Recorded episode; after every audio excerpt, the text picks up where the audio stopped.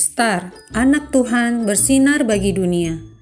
Renungan harian tanggal 27 Juni untuk anak balita sampai dengan kelas 1 SD. Ada hidup baru. Dari 2 Timotius 3 ayat 16a. Segala tulisan yang diilhamkan Allah memang bermanfaat.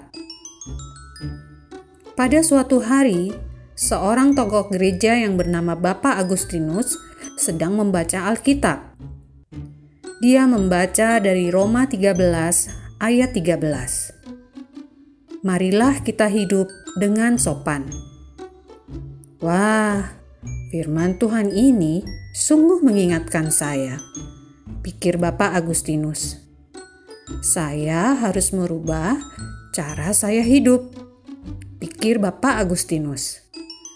Sejak saat itu, Bapak Agustinus memutuskan hidup mengikuti firman Tuhan.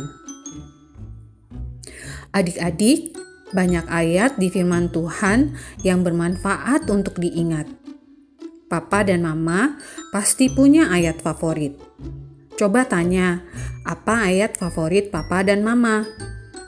Yuk, adik-adik, kita membaca Alkitab setiap hari. Warnai gambar di bawah ini ya. Mari kita berdoa. Tuhan Yesus, terima kasih untuk firman-Mu yang tertulis di dalam Alkitab. Itu sangat bermanfaat buat aku. Amin.